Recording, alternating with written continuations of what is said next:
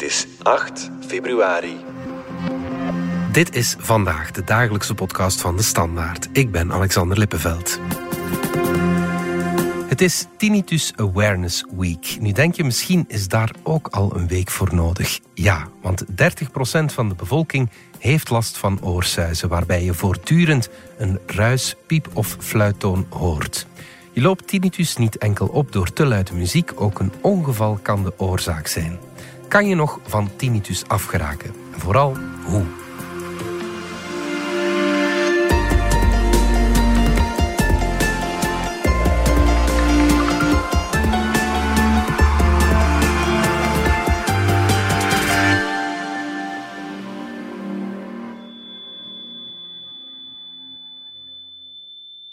Dat is een behoorlijk vervelend geluid. Zeker als je het altijd een beetje hoort. Tinnitus heet het. Ik heb pijn in mijn oren. Het is een gevoel van bij veel geluid. Ja, we gingen al eens, al eens verkeerd staan op festivals, verkeerd staan op een vijfde kort bij de boksen. Of, en dat ik dus echt heel pijnlijke oren had tot dagen daarna. Maar dat ging dan weg. Uh, voor ik het goed besefte dat het niet meer ging weggaan, was het te laat. Ik heb eigenlijk jaren, jaren al last van mijn oren. Dit is Hilde en ze heeft tinnitus of oorsuizen. Dus tinnitus die kwam en ging, in beide oren eigenlijk. En serieuze hoge fluittonen ook, maar dat was meestal na goede verkoudheid, last van de sinussen, vuiven, concerten.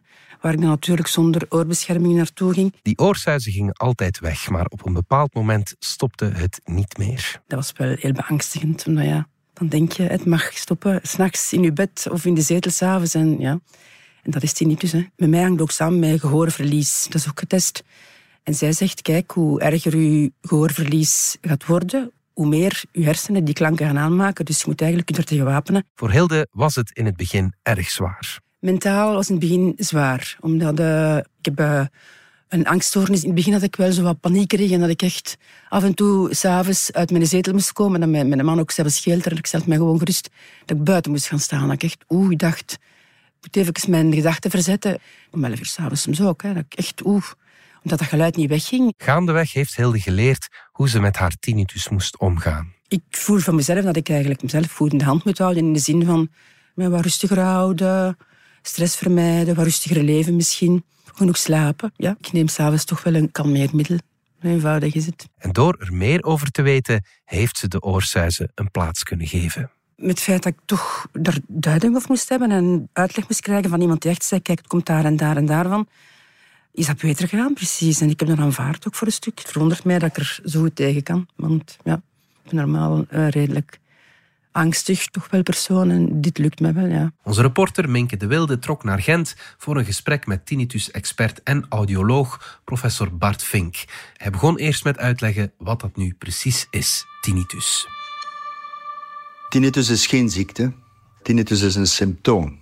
En het is eigenlijk net zoals pijn, jeuk, hoest, eigenlijk een signaal van uw lichaam die zegt dat er iets fout loopt. En uiteraard wordt in eerste instantie gedacht, als je over tinnitus of oorsuizen praat, dat er iets fout gaat met het oor. En dat klopt ook. In de meeste gevallen, in ruim 90% van de patiënten, is de onderliggende oorzaak van het feit dat er tinnitus waargenomen wordt, het zij als een piep, een geruis, een gekraak, het feit dat het oor beschadigd is geraakt. Jammer genoeg is tinnitus niet alleen een oorprobleem, want het is zo dat niet iedereen met gehoorschade die piep of geruis waarneemt.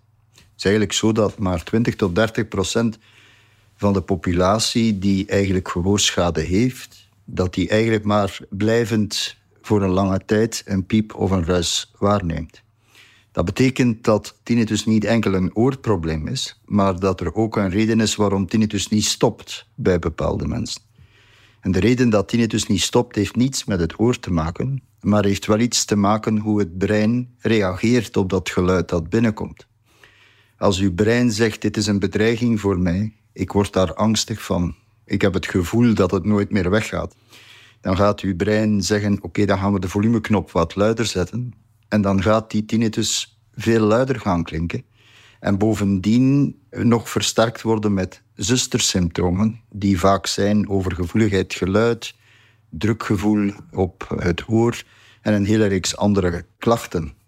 Dus tinnitus is eigenlijk een lichamelijk symptoom. zoals pijn en jeuk, maar het wordt versterkt door de manier hoe dat uw brein ernaar kijkt. Hoeveel mensen hebben daar nu precies last van? Ook op die vraag had professor Vink een antwoord. Wat je ziet in deze maatschappij is dat tinnitus als symptoom veel meer wordt gerapporteerd. Waar vroeger, toen ik in 1998 met de eerste tinnituskliniek aan het UZ in Gent begonnen ben, toen was het overgrote merendeel van mijn patiëntenpopulatie ouder dan 45. Op dit moment is het 50% jonger dan 30. Dus je ziet het eigenlijk veel meer gerapporteerd worden. Het komt vaak voor, maar uit wetenschappelijke studies blijkt dat ongeveer 30% van de bevolking tinnitus heeft. Dat ongeveer in België een 350.000-tal patiënten daar dermate last van hebben dat ze hulp zoeken. En dat ongeveer 60.000 van hen in een zeer ernstige invaliderende toestand zitten, ten gevolge daarvan. Ik heb er gisteren uh, tien patiënten gezien, waarvan er vier op de rand van zelfmoord staan. 30% van de bevolking, dat kan tellen. Maar hoe loop je dat dan op? Te luide muziek is blijkbaar lang niet de enige oorzaak. Dus alle ziektebeelden of ongevallen of infecties, alles wat uw oor negatief beïnvloedt of de functie van uw oor negatief beïnvloedt, zal uiteindelijk tot gehoorschade leiden. Het gevolg van gehoorschade is dat er in het oor minder geluid binnenkomt. En dat uw brein zegt, aha, dat wordt daar stiller aan de overkant. Dus zullen we de volumeknop luider zetten en zelf een piep of een ruis gaan genereren. Dus alles wat het oor negatief beïnvloedt, en dat kan inderdaad zijn, u gaat naar een fuif, het is daar veel te luid, u hebt daar geen gehoorbeschermers gedragen, dus het gevolg is, u loopt gehoorschade op en het brein reageert met een piep. Of u hebt een ongeval met de fiets, u wordt aangereden, u valt op de grond, u hebt een schedeltrauma, het oor wordt ook beschadigd. Opnieuw een piep of een ruis of iets anders. Dus heel wat elementen die in het leven voorkomen, kunnen eigenlijk tot schade leiden. En die schade van het oor zal als symptoom niet alleen oorpijn kunnen geven, maar ook hun waarschuwingssignaal als een piep. Iedereen heeft wel eens zo'n tuut gehoord, maar wanneer is die piep dan echt permanent? Professor Vink stelt ons gerust: tinnitus is niet per se iets voor het leven. Tinnitus is nooit permanent. Het idee dat mensen denken dat tinnitus permanent is, komt door een of ander idee dat in de maatschappij is gegroeid en die niet vanuit de wetenschappelijke hoek komt, maar heel vaak vanuit de zorgverlening omdat artsen, huisartsen, dus en anderen heel vaak niet weten hoe ze het probleem moeten aanpakken. Dus er is in de maatschappij een idee gekomen, het gaat niet weg. Heel belangrijk ook om aan te geven is het feit dat tinnitus pas tinnitus is als je het eigenlijk chronisch drie maanden permanent hebt, dag en nacht. Dus even zo'n pieptoon in het oor horen, die iedereen al eens gehoord heeft, waarbij het oor even dicht klapt en dat u zo piep een heel voor enkele seconden hoort, is geen tinnitus. Als je dag en nacht continu geterroriseerd wordt door zo'n piep of ruis in het oor, en dat is drie maanden aan een stuk, dan praten we pas echt over tinnitus. Het feit dat dat tinnitus-signaal blijft duren, betekent dat het lichaam u eigenlijk een boodschap wil geven en zegt: er is iets fout met het oor, u moet iets doen. Dus u moet eigenlijk op zoek gaan naar de bron, de boodschap die het lichaam u probeert te vertellen. Nu, die bron is voor elke persoon verschillende. Maar wat doen vele patiënten dan? Die gaan bij nuskleinoorartsen of bij andere artsen en die zeggen: ja er is niets aan te doen, het is voor altijd. Je zult het moeten aanvaarden, leer het negeren. Dus het brein zegt, oei oei, ik raak daar nooit meer van af. En een van de gevleugelde woorden die veel van mijn patiënten zeggen is, ik ben mijn stilte voor altijd kwijt.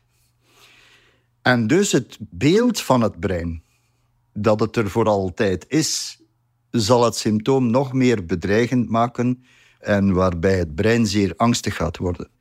De boodschap is heel duidelijk: tinnitus is niet voor altijd. Als je iets aan de wortel van het probleem doet, dan stopt het symptoom. Je kunt het brein perfect overtuigen dat het symptoom verdwijnt. Over die oplossingen die er nu zijn, daarover hebben we het straks nog. Maar eerst gaan we eens luisteren naar Claudia, die tinnitus heeft. Dus ik had een jaar geleden een rugbywedstrijd gespeeld, waardoor ik een klap op mijn hoofd heb gekregen eigenlijk. En toen heb ik een hersenschudding opgelopen. Sindsdien heb ik eigenlijk gewoon tinnitus. Claudia hoort de hele tijd een fluittoon. Het gaat gewoon nooit weg. Als ik erop let, dan hoor ik het wel gewoon altijd. Maar ik kan wel gewoon de focus op andere dingen leggen en dan gaat het wel eigenlijk. Ik heb wel gewoon periodes dat ik dat gewoon meer hoor. Bijvoorbeeld stressvolle periodes, examenperiodes.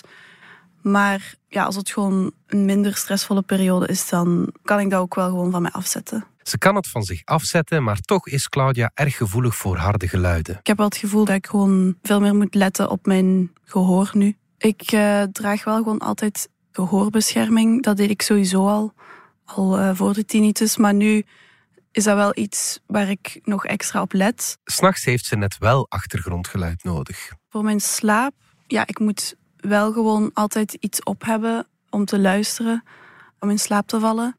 Voor mijn concentratie, ik heb ook gewoon altijd achtergrondgeluid opstaan, bijvoorbeeld muziek ofwel een podcast of zo.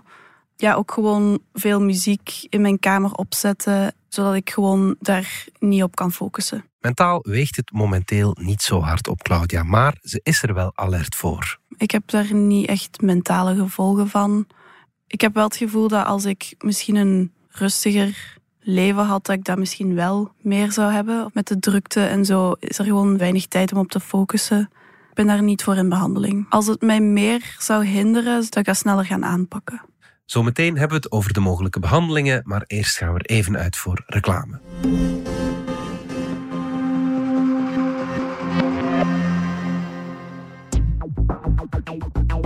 Ik zit, denk ik, toch wel een anderhalf uur tot zelfs drie uur in de file, denk ik. Ja. ja. Wat? Enfin, waar komt die file toch vandaan? En gaat Oosterweel die oplossen? Als het om de Antwerpse mobiliteit gaat, zit ik met meer vragen dan antwoorden. Maar daar komt verandering in. Want ik, Kat Luiten, verdiep me in het Antwerpen van morgen. Leefbaar en bereikbaar. Luister naar De Grote Ontknoping, een podcast van Landis, nu in je favoriete podcast-app.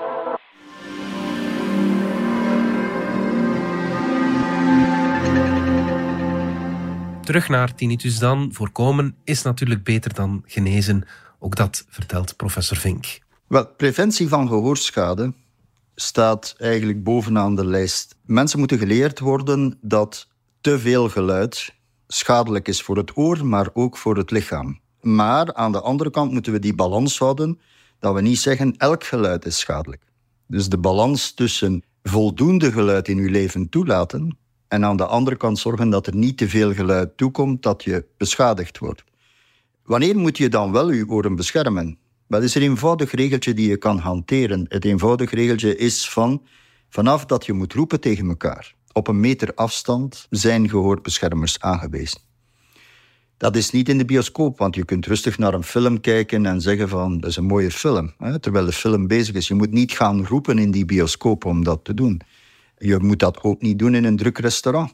Je kunt nog altijd praten, ook al kan er veel omgevingsluis zijn, maar je kunt nog altijd op een normale sterkte met elkaar praten. Maar je begrijpt op luide concerten, festivals en situaties, huwelijksfeesten ook soms, waar dat je vele uren aanwezig bent en waarbij dat je in mekaars oor moet gaan tieren en jezelf hees gaat roepen, op die momenten is het dragen van goede gehoorbescherming absoluut noodzakelijk. Stel nu, het is al te laat, het kwaad is geschied, je hebt die acute tinnitus opgelopen.